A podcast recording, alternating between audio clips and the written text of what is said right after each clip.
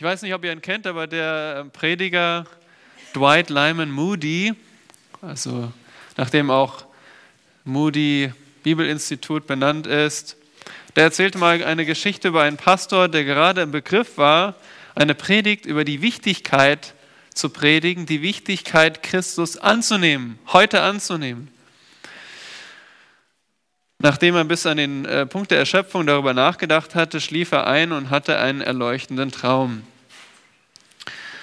Hier heißt es aus dem Buch von Richard Mayhew, Unmasking Satan, heißt es, er sah sich selbst auf dem Weg in die Hölle. Während er auf dem Weg dahin war, ähm, hörte er, wie sich einige von Satans Gesandten unterhielten. Sie rotteten sich zusammen und schmiedeten Pläne, wie sie die Menschen auf der Erde mit demselben Schicksal wie das ihrige schlagen könnten. Einer der Geister sagte, ich werde hingehen und den Menschen erzählen, dass die Bibel nicht Gottes Wort ist und dass sie ihr nicht vertrauen sollten. Die anderen erwiderten, das reicht noch nicht. Ein anderer meinte, ich gehe hin und werde ihnen erzählen, dass Gott überhaupt nicht existiert und dass Christus bloß ein guter Mann, Mann, war und dass es gar keinen Himmel und keine Hölle gibt. Die Antwort fiel wiederum negativ aus. Schließlich ergriff ein Dritter das Wort. Ich werde hingehen und ihnen erzählen, dass es einen Gott, einen Retter, einen Himmel und eine Hölle gibt. Aber ich lasse sie in dem Glauben, dass sie ewig Zeit hätten, um gerettet zu werden. Ich ermutige sie, die Entscheidung hinauszuzögern. Das ist es, riefen die anderen mit Freude. Das ist es, was wir wollen und dass sie es hören. Und sie machten ihn zu ihrem Abgesandten. Nun, diese Geschichte ist natürlich fiktiv. Äh, wir haben alle Offenbarungen in der Schrift. Aber weswegen ich diese kurze Anekdote vorgelesen habe, ist, weil es uns zeigt, dass es einen geistlichen Kampf gibt hinter den Kulissen und dass Dämonen wollen, dass Menschen nicht zum Glauben kommen und dass sie alles versuchen daran zu setzen. Es gibt mehr als das, was wir vor Augen sehen und wir stehen wirklich in einem realen geistlichen Kampf und wollen darum heute über die Dämonen lernen. Warum machen wir das? Es ist ein kein so auf erste Sicht ist es kein so schönes Thema, Dämonen, sich damit zu befassen. Aber wenn man überlegt, in einem Kampf, wenn sich zwei Heere gegenüberstehen, oder nehmen wir nur einmal das Beispiel eines Fußballspiels, da wird vorher der Gegner studiert, da will man wissen, wie agiert der andere. Und ähm, da wird stundenlang sich darauf vorbereitet und darum reicht es das nur passend, dass wir gerade mal eine Stunde beiseite setzen, um über Dämonen zu lernen, die unsere ärgsten Feinde sind. Die Lehre über Dämonen, wir wollen uns wieder Fragen stellen, diesmal neun Fragen über Dämonen, sehr ähnlich zum letzten Mal, zumindest zu Beginn. Wer oder was sind Dämonen? Woher wissen wir, dass es sie gibt? Und wo sind Dämonen jetzt? Welche Fähigkeiten haben Dämonen und was tun sie eigentlich? Und dann gehen wir mehr so auf das Thema Besessenheit ein. Was ist Besessenheit von Dämonen? Äh, und kann ein Christ von Dämonen besessen sein? Fragen wir uns direkt. Und dann, wer ist stärker als Dämonen, als Ermutigung? Und schließlich, wie gehen wir biblisch mit Dämonen um? Auch da wird heutzutage viel gesagt und behauptet und deswegen müssen wir auch da biblisch denken. Ja, wer oder was sind Dämonen? Was wäre eure Frage, äh, Antwort, wenn euch jemand fragt? Okay. Wie bitte? Ja? Noch was anderes? Nun tatsächlich, äh, griechisch, das Wort kommt von dem griechischen Daimonion und schlagen wir dazu mal Offenbarung 12 auf. Also letztes Buch der Bibel, Offenbarung, Kapitel 12.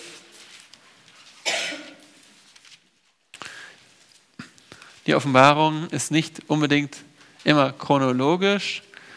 Die einzelnen Kapitel sind nicht unbedingt chronologisch angeordnet. Es gibt dazwischen immer wieder einen Einschub, eine Erklärung. So auch Kapitel 12.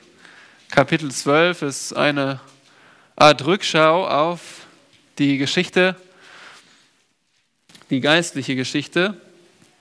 Und dort sieht Johannes, der dieses Buch geschrieben hat, sieht eine Frau und diese Frau ist schwanger und schreit in Geburtswehen.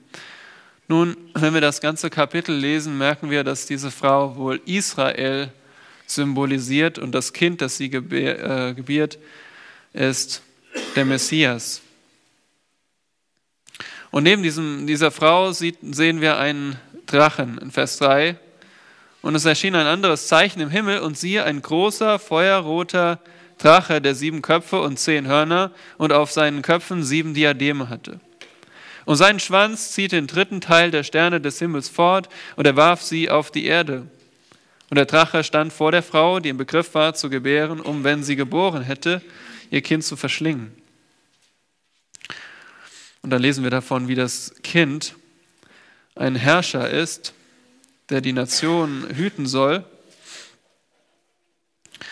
und dass er das, der Messias ist. Aber hier sehen wir, dass dieser Drache will dieses Kind verschlingen. Und dieser Drache ist niemand anderes als, nun lest mal Vers 9, wer kann uns Vers 9 lesen? Laut und deutlich.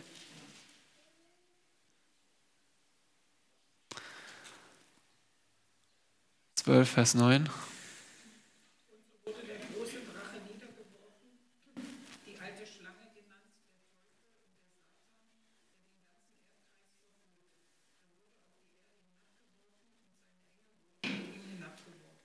Genau.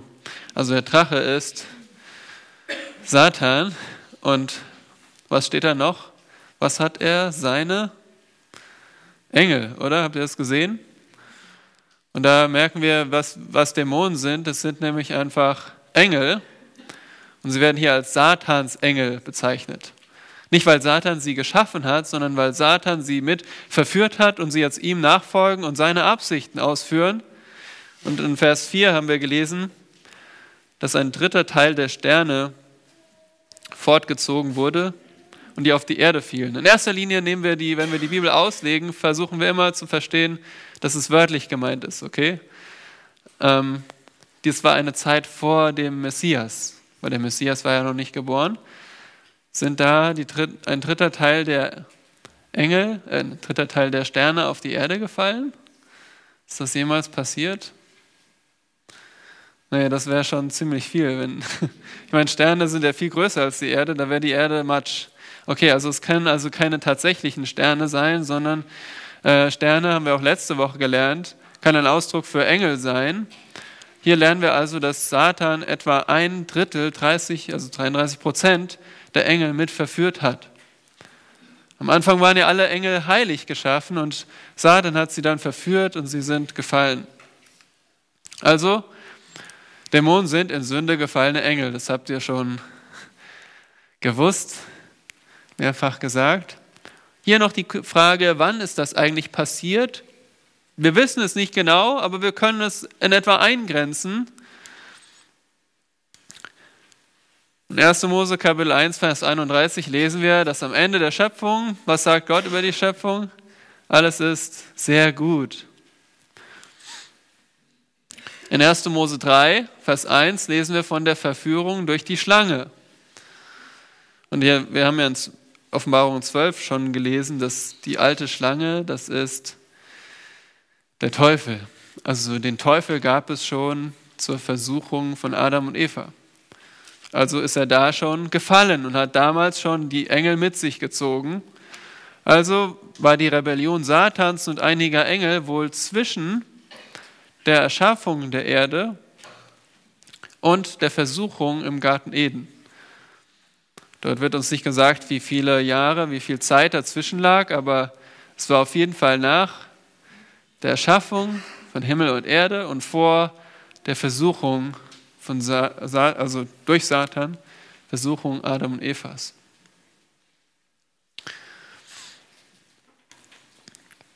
Außerdem können wir mal, wollen wir uns noch fragen, was, was sind eigentlich diese Dämonen? 1. Timotheus 4, Vers 1. Haben wir schon in den Bibelstunden gehabt.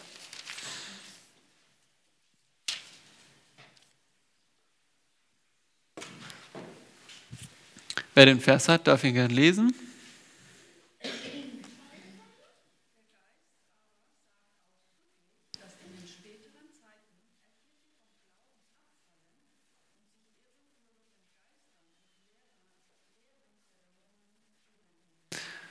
Danke. Was lernen wir hier über Dämonen? Was für Eigenschaften sie haben?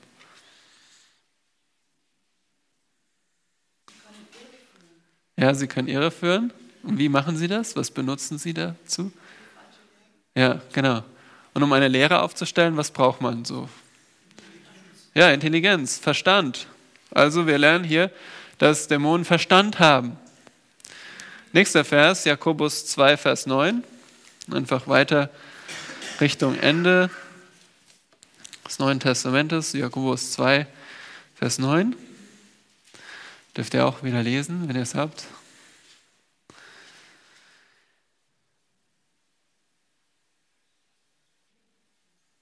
Oh, warte mal, das ist der falsche Vers. Äh, 2 Vers 19 ist es, gell? Da fehlt eine 1. Jakobus 2, Vers 19.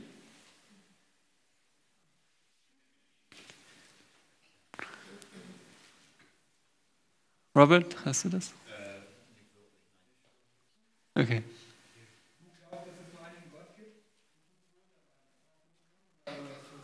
Okay, also, Vladimir, was lernen wir hier über Däm äh, Dämonen? Ja. Und wie reagieren sie darauf? Ja, sie haben Angst, okay? Angst ist ein Gefühl. Also wir sehen, sie haben nicht nur Verstand, sie haben auch Gefühle. Und das Dritte, was wir noch über sie lernen, Matthäus 8, Vers 31.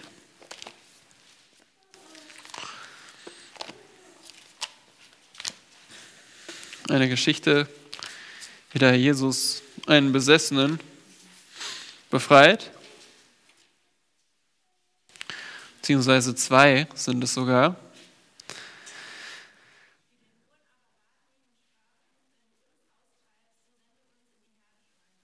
Okay, was lernen wir hier über die Dämonen? Ja, sie haben einen Willen. Kennt ihr schon von den Engeln letzte Woche, gell? Aber da hatten wir das auch. Verstand, Gefühl, Wille. Aber so nochmal der Nachweis, Dämonen sind Engel und sie sind Personen. Sie sind gefallen in Sünde, gefallene Engel. Die nächste Frage ist, woher wissen wir, dass es sie gibt? Nun, das finden wir sowohl im Alten als auch im Neuen Testament. Im Alten Testament nicht so häufig, nur 16 Mal werden Dämonen direkt genannt. Sie werden dort als böse Geister bezeichnet, als ein Lügengeist, ein unreiner Geist. Und in Daniel spricht er davon, von Fürsten, von Fürsten über Persien, Fürsten über Griechenland, da meint er nicht die menschlichen Herrscher, sondern das zeigt uns, dass in der unsichtbaren Welt auch diese Dämonen verschiedene Regionen zugeteilt haben. Also gibt es sicher auch einen Dämon, der für unser Land zuständig ist und der will, dass unser Land nicht dem Wort Gottes nachfolgt, sondern verführt wird durch falsche Lehre. Fürst von Persien, Fürst von Griechenland. Neuen Testament über 100 Mal werden Dämonen genannt und ratet mal, wo wir das meiste davon lesen.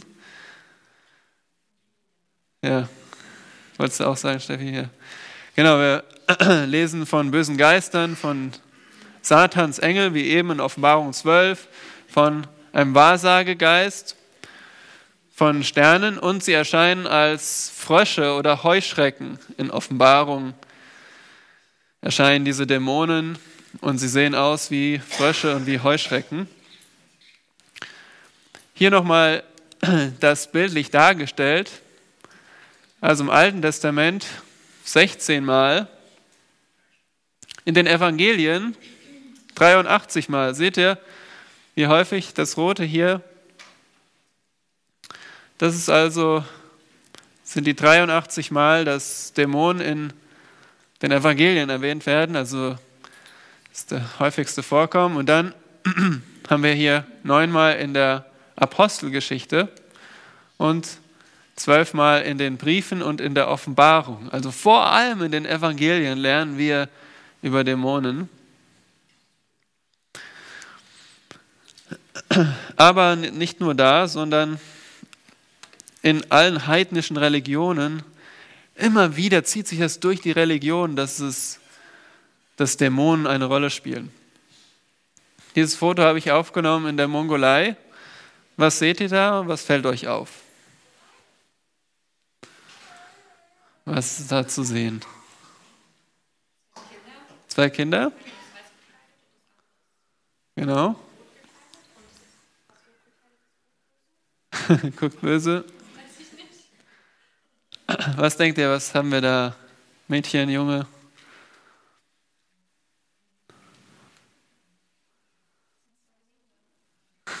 Zwei Sünde? Okay, wer denkt, das sind Mädchen? Okay. Wer denkt, es sind Jungen? Unentschlossen? Nun, das sind zwei kleine Jungen mit langen Haaren, weil in der Mongolei wartet man bis so zwei, drei Jahre, ich weiß es nicht genau. Da gibt es eine Zeremonie, bei der war ich auch selbst dabei. Und dann wird den Jungs die Haare geschnitten. Da wird nur so ein kleiner Zopf dann hinten übrig gelassen. Aber bis zu diesem Zeitpunkt wird, lässt man einfach die Haare lang wachsen, um die Dämonen zu verwirren, dass sie, nicht, dass sie denken, dass es Mädchen sind, weil man glaubt, dass sie die Jungs eher angreifen. Außerdem gibt es in der Mongolei diese diese, ähm, diesen Brauch, wenn man Namen gibt, zum Beispiel den Namen Nirgui, kein Name, oder Nirbisch, kein Name, Tirbisch, dieser nicht. Also man nennt sein Kind einfach ohne Namen, kein Name, um diese Dämonen zu, äh, ja, zu täuschen. Den gibt es gar nicht. Aber ihr merkt schon diese, diese Angst vor bösen Geistern. Und ihr könnt es nachvollziehen, wenn ihr vielleicht auch schon mal im Ausland wart oder in Afrika, in Asien, Amerika. Diese Angst vor bösen Geistern und diese, diese Macht auch.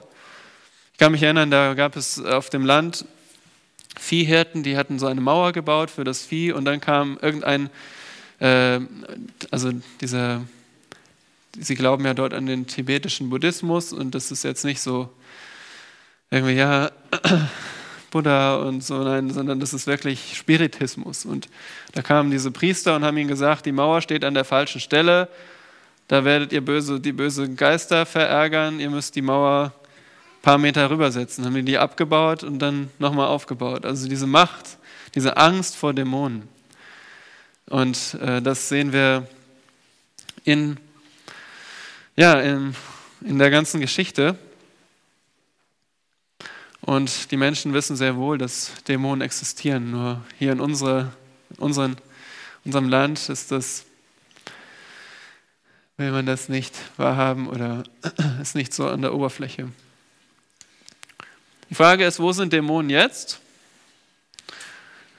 Nun, um es vereinfacht darzustellen, ein Teil von Dämonen ist jetzt aufbewahrt im Gefängnis. Gott hat einige der Dämonen schon äh, wie in einem Sicherheitsgefängnis verwahrt. Und sie sind aufbewahrt für, für das Endgericht. Ein anderer Teil ist frei und wirksam. Das haben wir eben gelesen, Offenbarung 12. Die Engel Satans, seine Engel dienen ihm und helfen ihm, seine Absichten auszuführen. Aber am Ende werden alle Dämonen und Satan auch in der Hölle landen und gerichtet werden. Also ein Teil der Engel ist gerade noch frei und ein Teil ist schon im Gefängnis, wie in einer Untersuchungshaft bis zu dem endgültigen Gericht.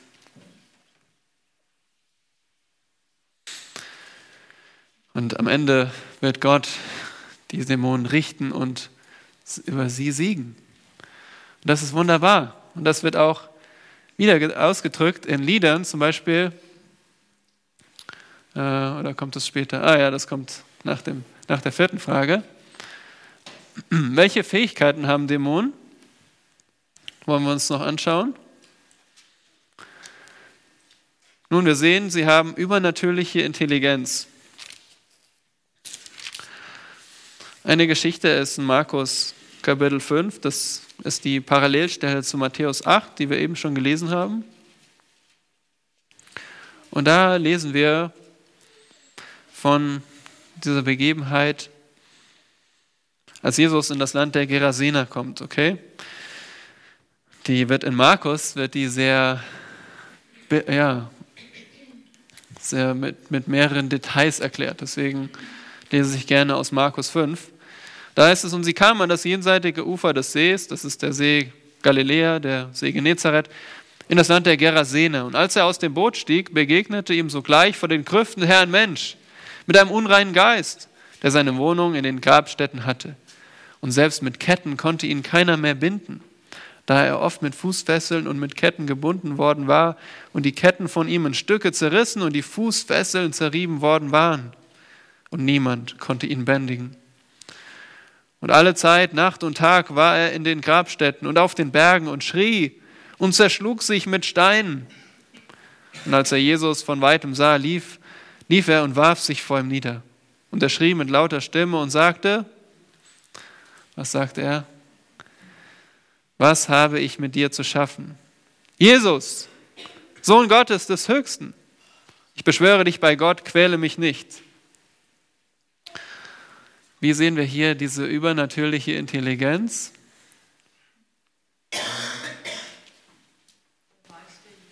Ja, er weiß nicht nur, dass es Jesus ist, er weiß, dass er der Sohn des Höchsten ist. Das, was Jesus die ganze Zeit wollte, dass die Juden es verstehen und sie haben es nicht verstanden. Die Dämonen wussten es sofort. Sie kan erkannten ihn. Außerdem sehen wir in dieser Geschichte auch diese übernatürliche Kraft. Ja? In den Versen 1 bis 4 haben wir gelesen, wie keiner ihn binden konnte. Sie haben ihm Fesseln angelegt und er hat sie alle zerrissen. Selbst aus, ja, was weiß ich, aus Ketten steht hier. Also es war nicht nur so Paketband, sondern richtige Ketten hat er zerrissen. Übernatürliche Kraft, das sehen wir auch in Offenbarung 16 wird davon, ist davon die Rede, dass Dämonen Zeichen und Wunder tun. Also Gott hat ihnen sogar gewährt, ihnen, dass sie Zeichen tun. Da heißt es davon, das ist übrigens die Stelle, wo auch unreine Geister wie Frösche erscheinen. In Vers 14 steht, denn es sind Geister von Dämonen, die Zeichen tun, die ausziehen zu den Königen des ganzen Erdkreises, sie zu versammeln zu dem Krieg des großen Tages Gottes, des Allmächtigen. Also sie tun Zeichen, sie können Wunder tun und die Menschen begeistern. Sie haben übernatürliche Kraft und sie können sich auf übernatürliche Weise äh, bewegen. Diese Stelle haben wir letztes Mal schon angeschaut. Das ist die Stelle, wo Daniel auf eine Antwort wartet und dann ein Engel zu ihm kommt. Wer war das nochmal? Welcher Engel? Welchen Namen hatte der? Gabriel, genau. Und er sagte, ich war verhindert, weil 21 Tage stand mir der König von Persien entgegen, äh, der Fürst von Persien, also ein Dämon. Und dann ist er zu ihm gekommen, aber sie, die Dämonen können sich genauso bewegen wie Engel. Sie sind Engel, sie sind Geistwesen, aber sie sind nicht überall gleichzeitig. Sie sind räumlich begrenzt, aber können sich auf übernatürliche Weise bewegen. Und außerdem sind sie ähnlich wie die Engel organisiert. Erinnert ihr euch noch, an letzte Woche haben wir auch zwei Stellen gelesen über die Organisation von Engeln. Ich zeige es euch mal hier einfach, das ist, was wir in den Versen finden. Wir finden verschiedene Bezeichnungen, das, äh, und zwar Gewalten, Mächte, Weltbeherrscher dieser Finsternis und die geistigen Mächte der Bosheit in der Himmelswelt. In den Versen heißt es, dass diese Gewalten und Mächte gegen uns Krieg führen als Gläubige. Und in Kolosser 2 heißt es, dass Christus über sie triumphiert hat. Also über Satan steht immer noch Christus. Aber auch diese Dämonen sind organisiert.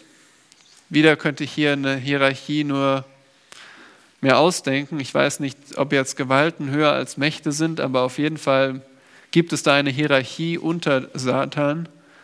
Die Dämonen sind organisiert, so wie ja, eine gute Firma organisiert ist. Die Dämonen sind noch viel intelligenter und sie wissen genau, wie sie äh, zu ihren Zielen kommen. Aber über Satan steht Gott und deswegen auch wird das, immer finden wir das immer wieder in Liedern, dass ausgedrückt wird, dass Gott größer ist, dass er mächtiger ist als Satan und die Dämonen, wie zum Beispiel hier in Martin Luthers Lied.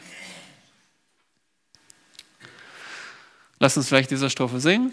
Ja?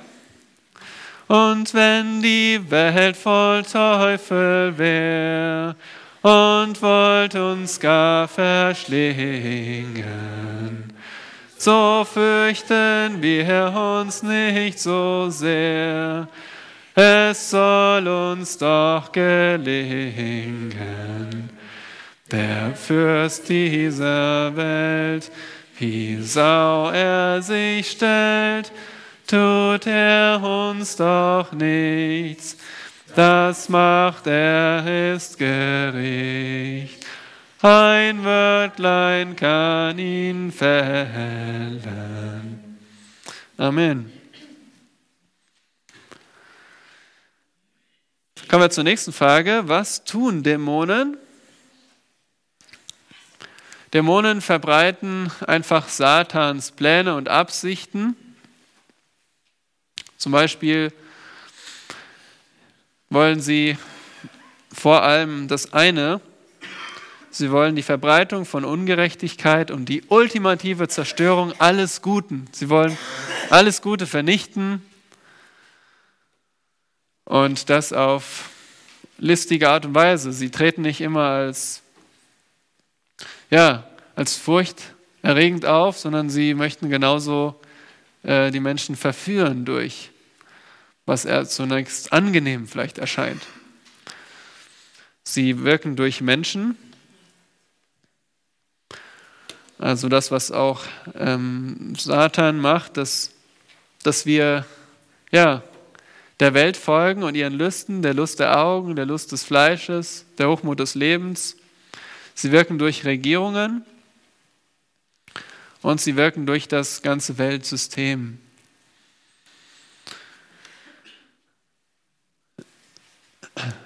Außerdem widersetzen sie sich Gott, sind gegen Gott gestellt und verleumden Gott. Nun, das sehen wir hier an ihrem Anführer Satan. Was sagt nochmal Satan zu Eva? Hat Gott wirklich gesagt, ihr sollt von keinem Baum essen? Hatte Gott das gesagt oder was hatte Gott eigentlich gesagt? Ja, von einem Baum dürft ihr nicht essen. Von allen anderen dürft ihr essen, aber er verleumdet Gott, Satan, und so macht das auch, machen das auch die Dämonen. Sie wollen, dass wir Gott als, ja, nicht als gut, sondern als böse, als jemand, der uns Gutes vorenthält, sehen. Außerdem sehen wir, dass sie hinter dem Götzendienst sich verbergen können wir mal aufschlagen, 5. Mose 32. 5. Mose 32 ist das Lied von Mose, nicht lange vor seinem Tod. Ein Lied, das die Geschichte Israels und auch die Zukunft aus damaliger Sicht äh, vorhersagt. Und da finden wir einen Vers, äh, ja, hier Vers 17. Wer liest das für uns?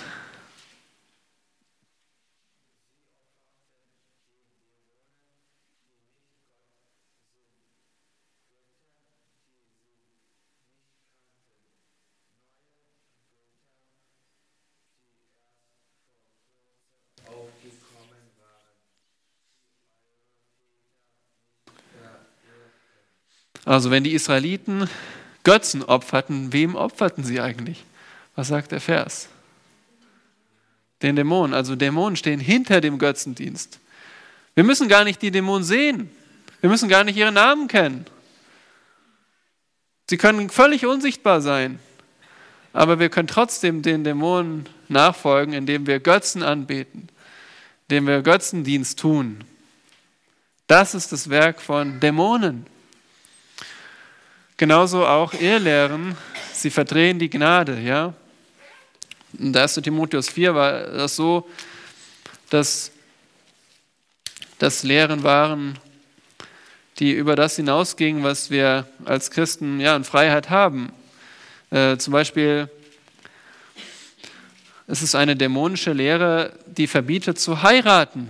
Ja, es ist eine dämonische Lehre, wenn jemand sagt, du darfst nicht heiraten als Christ. Erster Gedanke, das sind Dämonen dahinter. Oder die gebieten sich von Speisen zu enthalten. Ja, du darfst das und das nicht essen.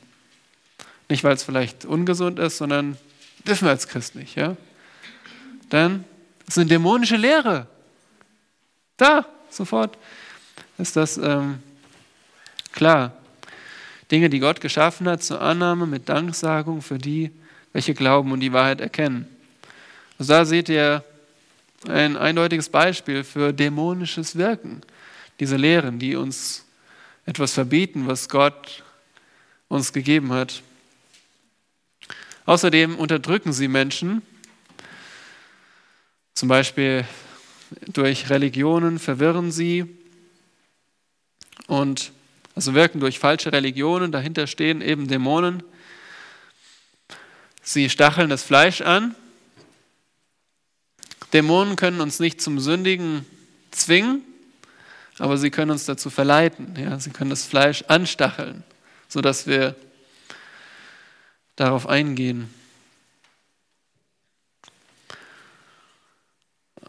Und sie knechten durch Krankheit. Ja. Also sehen wir immer wieder in diesen vielen Stellen im Neuen Testament, in den Evangelien, dass sie hinter Krankheiten da Dämonen standen. Nicht immer, aber das war auch eine, eine Wirkung.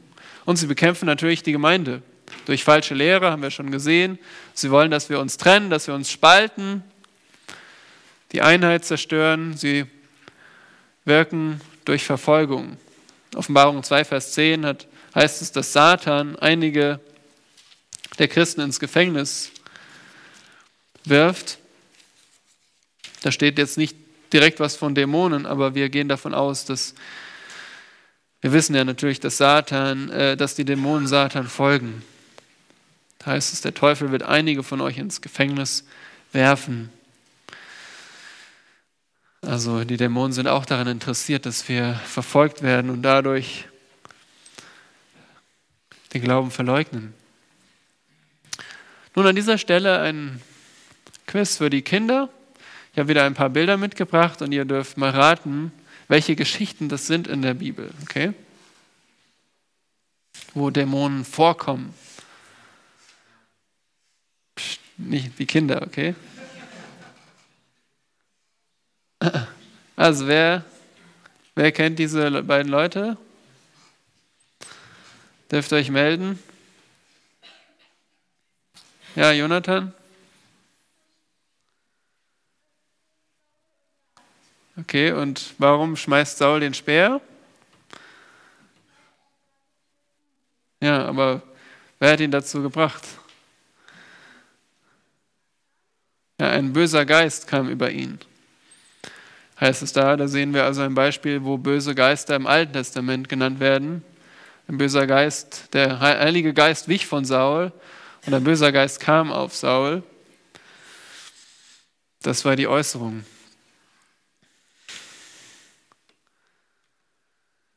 Ja, Philipp?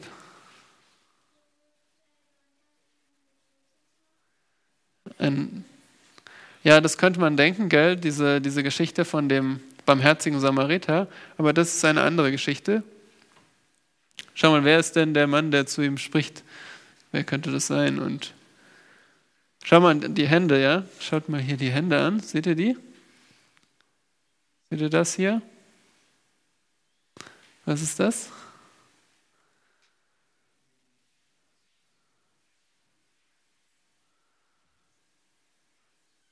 Na, was ist das? Wer von euch Erwachsenen kann helfen oder? Ja, das ist von, was wir gelesen haben, Markus 5, Matthäus 8, der Besessene, einer von den Besessenen, der die Ketten zerrissen hat und Jesus die Dämonen austreibt.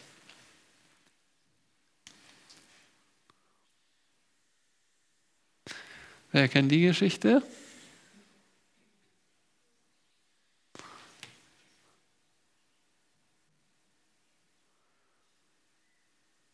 Schwierig?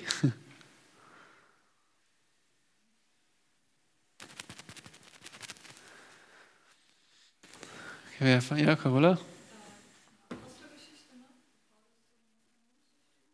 Ja, das ist mondsüchtig, ist richtig, aber das war nicht Paulus, sondern Matthäus 17. Also der Herr Jesus, ja? Ein, ein Junge, der fallsüchtig war, der sich ins Wasser, ins Feuer geworfen hat. Und dann der Jesus, die Jünger konnten den Dämon nicht austreiben und der Jesus befreit ihn von dem Dämon.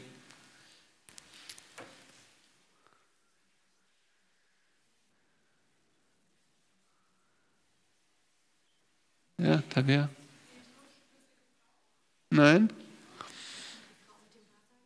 Ja, genau, die Frau mit dem Wahrsagegeist. Und wer hat sie befreit? Nein, das ist in Apostelgeschichte. Apostelgeschichte 16. In Philippi. Wer von den Aposteln war in Philippi? Paulus und Silas, genau. Zweite Missionsreise. Es war eine Frau mit einem Wahrsagegeist. Und sie erkennt Paulus und Silas und ruft ihnen nach. Gell? Und äh, nennt sie Diener des Höchsten. Diese Menschen sind Knechte Gottes des Höchsten.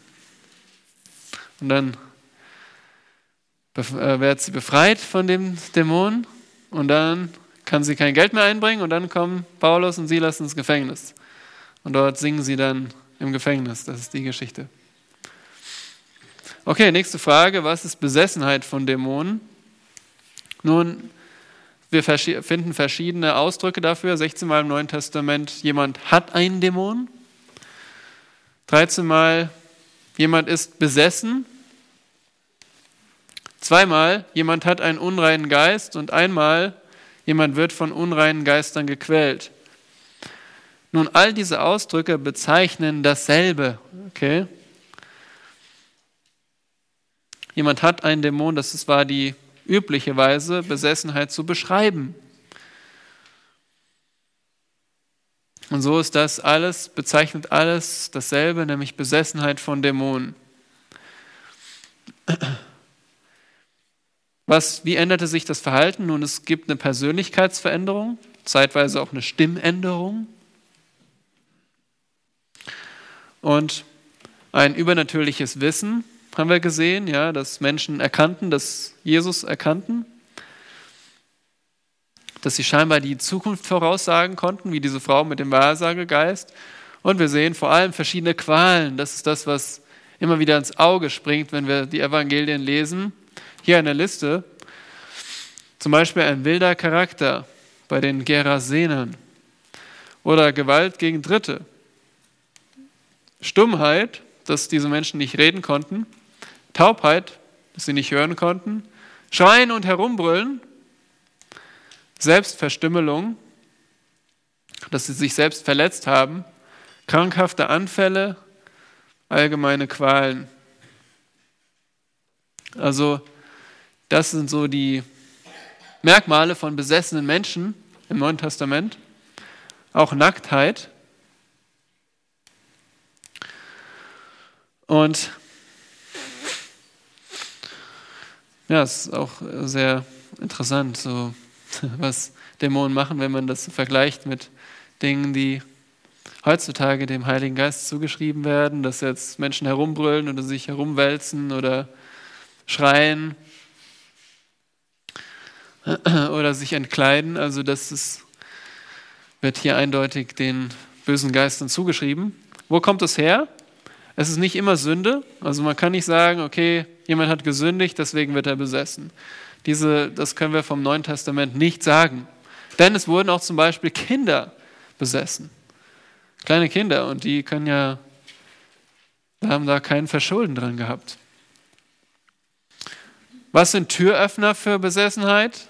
Wir finden im Neuen Testament zum einen Götzendienst. Wenn man sich mit Götzen einlässt, dann lädt man Dämonen ein oder auch okkulte Verstrickungen.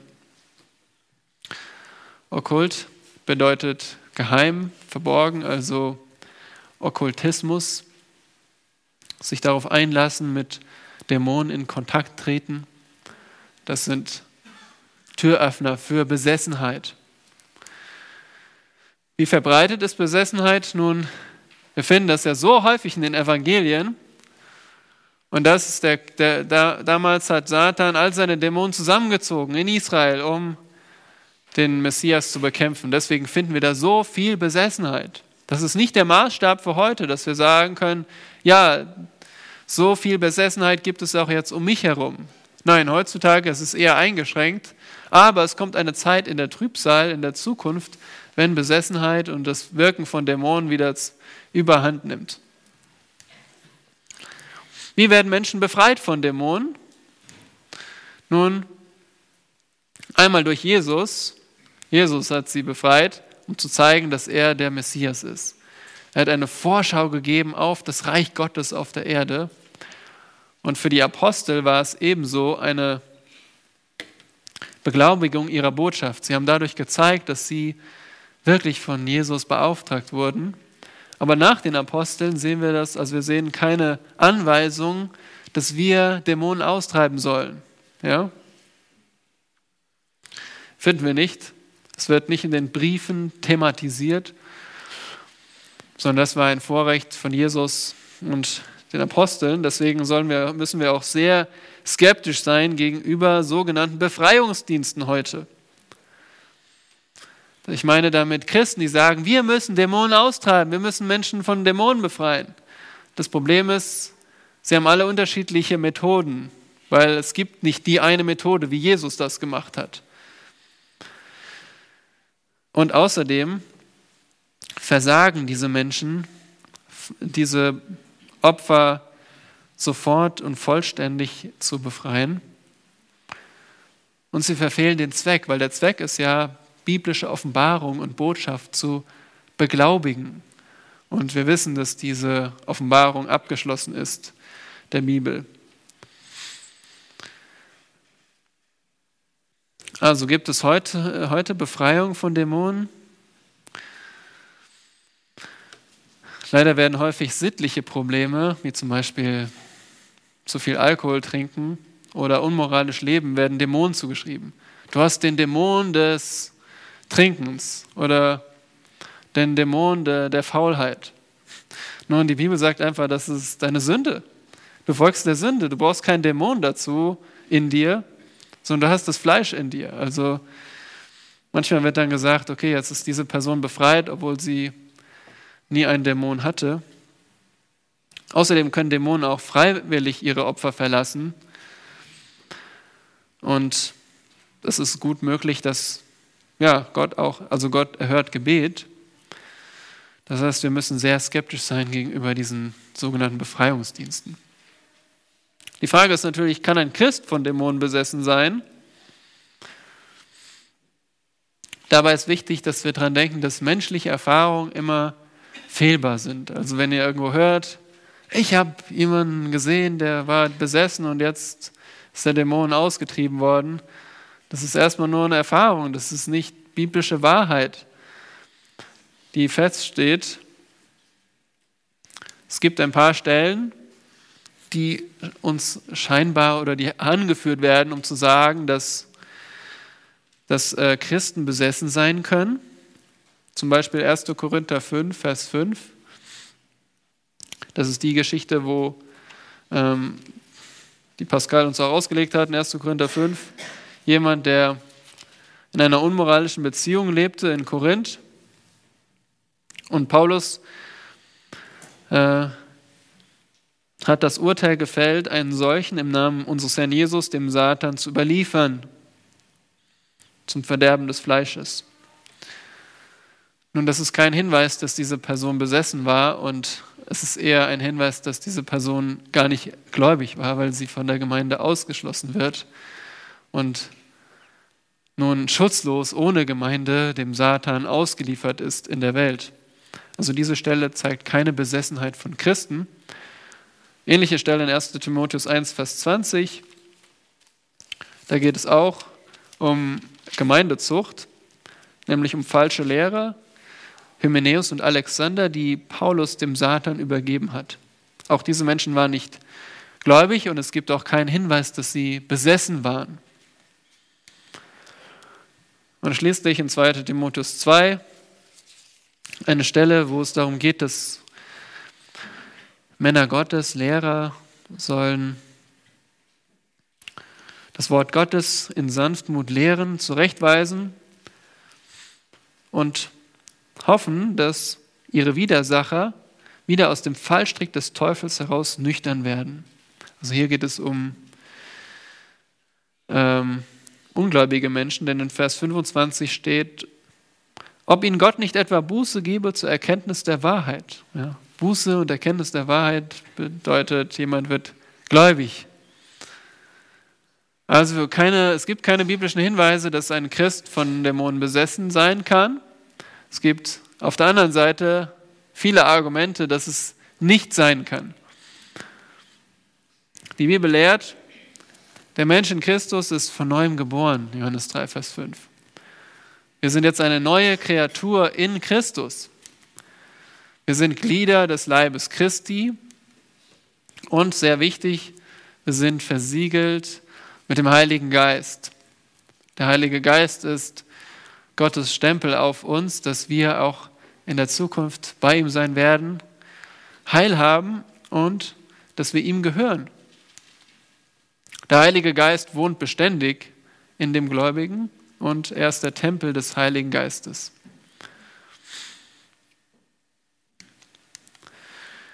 Weiter lehrt die Bibel, dass selbst böse Gewalten und Mächte uns nicht scheiden können von der Liebe Christi. Und 1. Johannes können wir mal aufschlagen, das ist sehr, auch sehr, ja, das sind alles sehr gewichtige Argumente, aber hier in 1. Johannes wird es nochmal so deutlich. 1. Johannes 4, Vers 4. Wer liest uns diesen Vers mal bitte?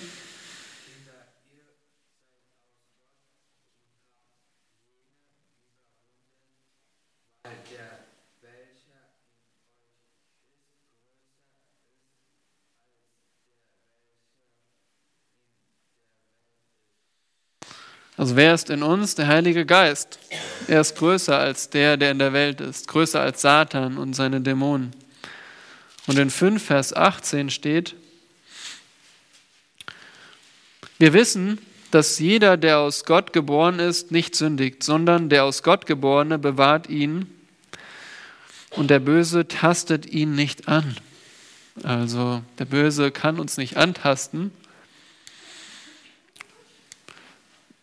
Wir sind der Tempel des lebendigen Gottes, das Heiligtum Gottes und wir gehören ganz Christus. All diese Stellen zeigen uns, dass ein Christ nicht bewohnt sein kann von Dämonen.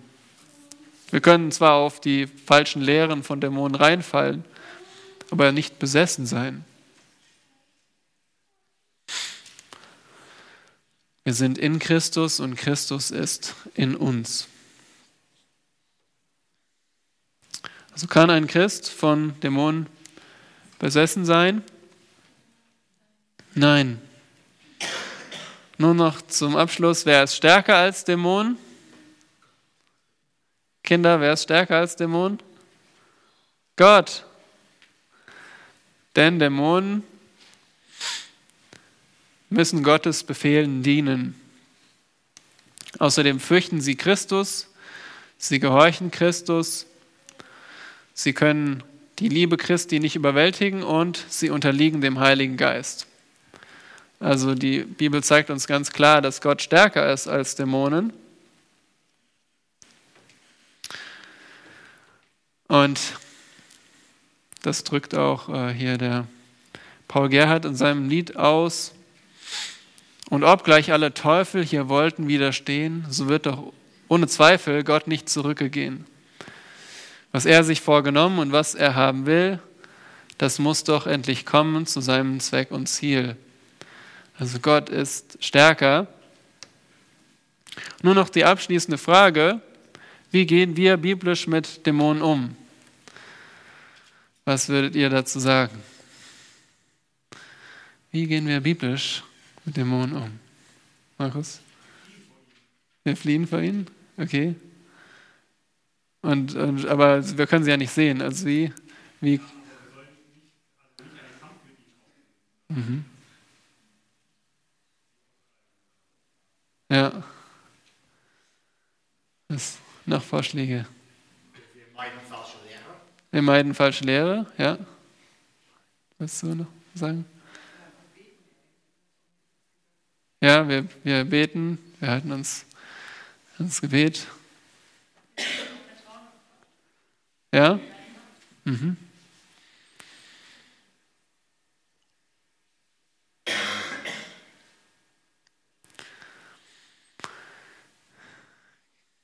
Ja, ist überhaupt die Frage, woher wir überhaupt wissen, ob wir jetzt, jetzt mit einem Dämon zu tun haben. Also, ich meine, ich habe noch keinen Dämon reden hören oder jetzt irgendwie hörbar. Aber wie Robert gesagt hat, wir haben schon alle mal eine falsche Lehre gehört. Also das ist die Art und Weise, wie wir Dämonen gegenübertreten. Noch sechs biblische Hinweise. Zum einen müssen wir, erinnert uns dieses Thema daran, dass wir in einem geistlichen Kampf stehen. Okay, es ist mehr als das, was wir vor Augen haben. Paulus sagt im dem Abschnitt über die geistliche Waffenrüstung, dass wir nicht gegen Fleisch und Blut kämpfen, sondern gegen Gewalten und Mächte, gegen Dämonen ist unser Kampf. Also wir müssen bedenken, dass wir in diesem Kampf stehen und uns nicht beugen. Beuge dich nicht dem weltlichen Lebensstil, weil das ist, was die Dämonen wollen. Dass wir den Götzen nachlaufen, dass wir Götzendienst betreiben, dass wir andere Dinge wichtiger oder ebenso wichtig nehmen wie Gott, dass wir den Lebensstil der Menschen annehmen, dass wir auf die Medien hören. Dahinter stehen die Absichten Satans, dass wir beschäftigt werden, wie wir in, dem, in der Einleitung gehört haben, abgelenkt werden von Gottes Wort. Was lenkt dich ab von Gottes Wort? Was bringt dich auf schlechte Gedanken? Was kitzelt dein Fleisch? Was stachelt dich an zur Eifersucht oder zur Begierde, zum Zorn? Das ist das, was Dämonen erreichen wollen. Beuge dich nicht dem weltlichen Lebensstil und bewahre deine Stellung im Glauben.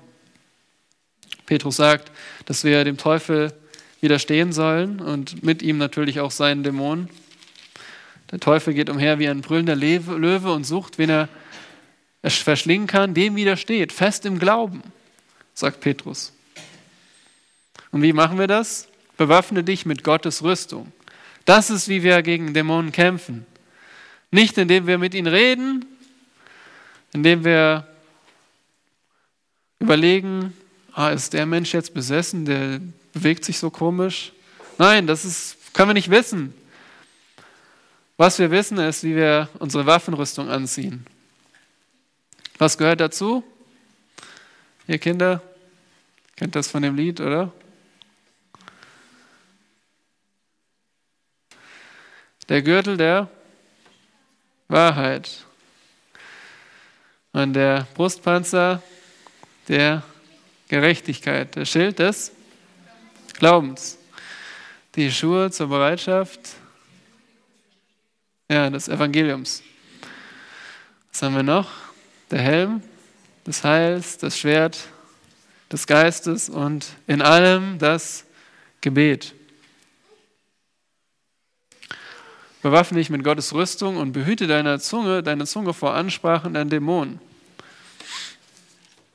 Im Judasbrief lesen wir davon, wie der Engel Michael, der Erzengel, dem Satan gegenübertrat. Michael aber, der Erzengel, wagte nicht, als er mit dem Teufel stritt und Wortwechsel um den Leib Moses hatte, ein lästerndes Urteil zu fällen, sondern sprach, der Herr schelte dich. Wir haben nichts damit zu tun, mit Dämonen zu reden. Behüte deine Zunge irgendwie mit Dämonen zu reden, sondern bete zu Gott.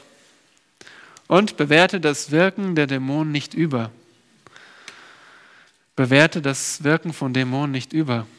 Denk nicht, dass alles jetzt irgendwie von Dämonen gewirkt ist. Äh, wenn du irgendwie morgens aufstehst und denkst, oh, ich will jetzt im Bett bleiben, ich will nicht zur Arbeit gehen. Ah, welcher Dämon ist das, der mich da hindert? Nein, was sagt Jakobus? Ein jeder wird von seiner eigenen Begierde verführt. Ja? Und dann be die Begierde gebiert Sünde und die Sünde gebiert den Tod. Das ist unser eigenes Fleisch, gegen das wir kämpfen. Natürlich, die Dämonen wollen, dass wir unserem Fleisch folgen, aber letztendlich ist nicht hinter allem ein Dämon.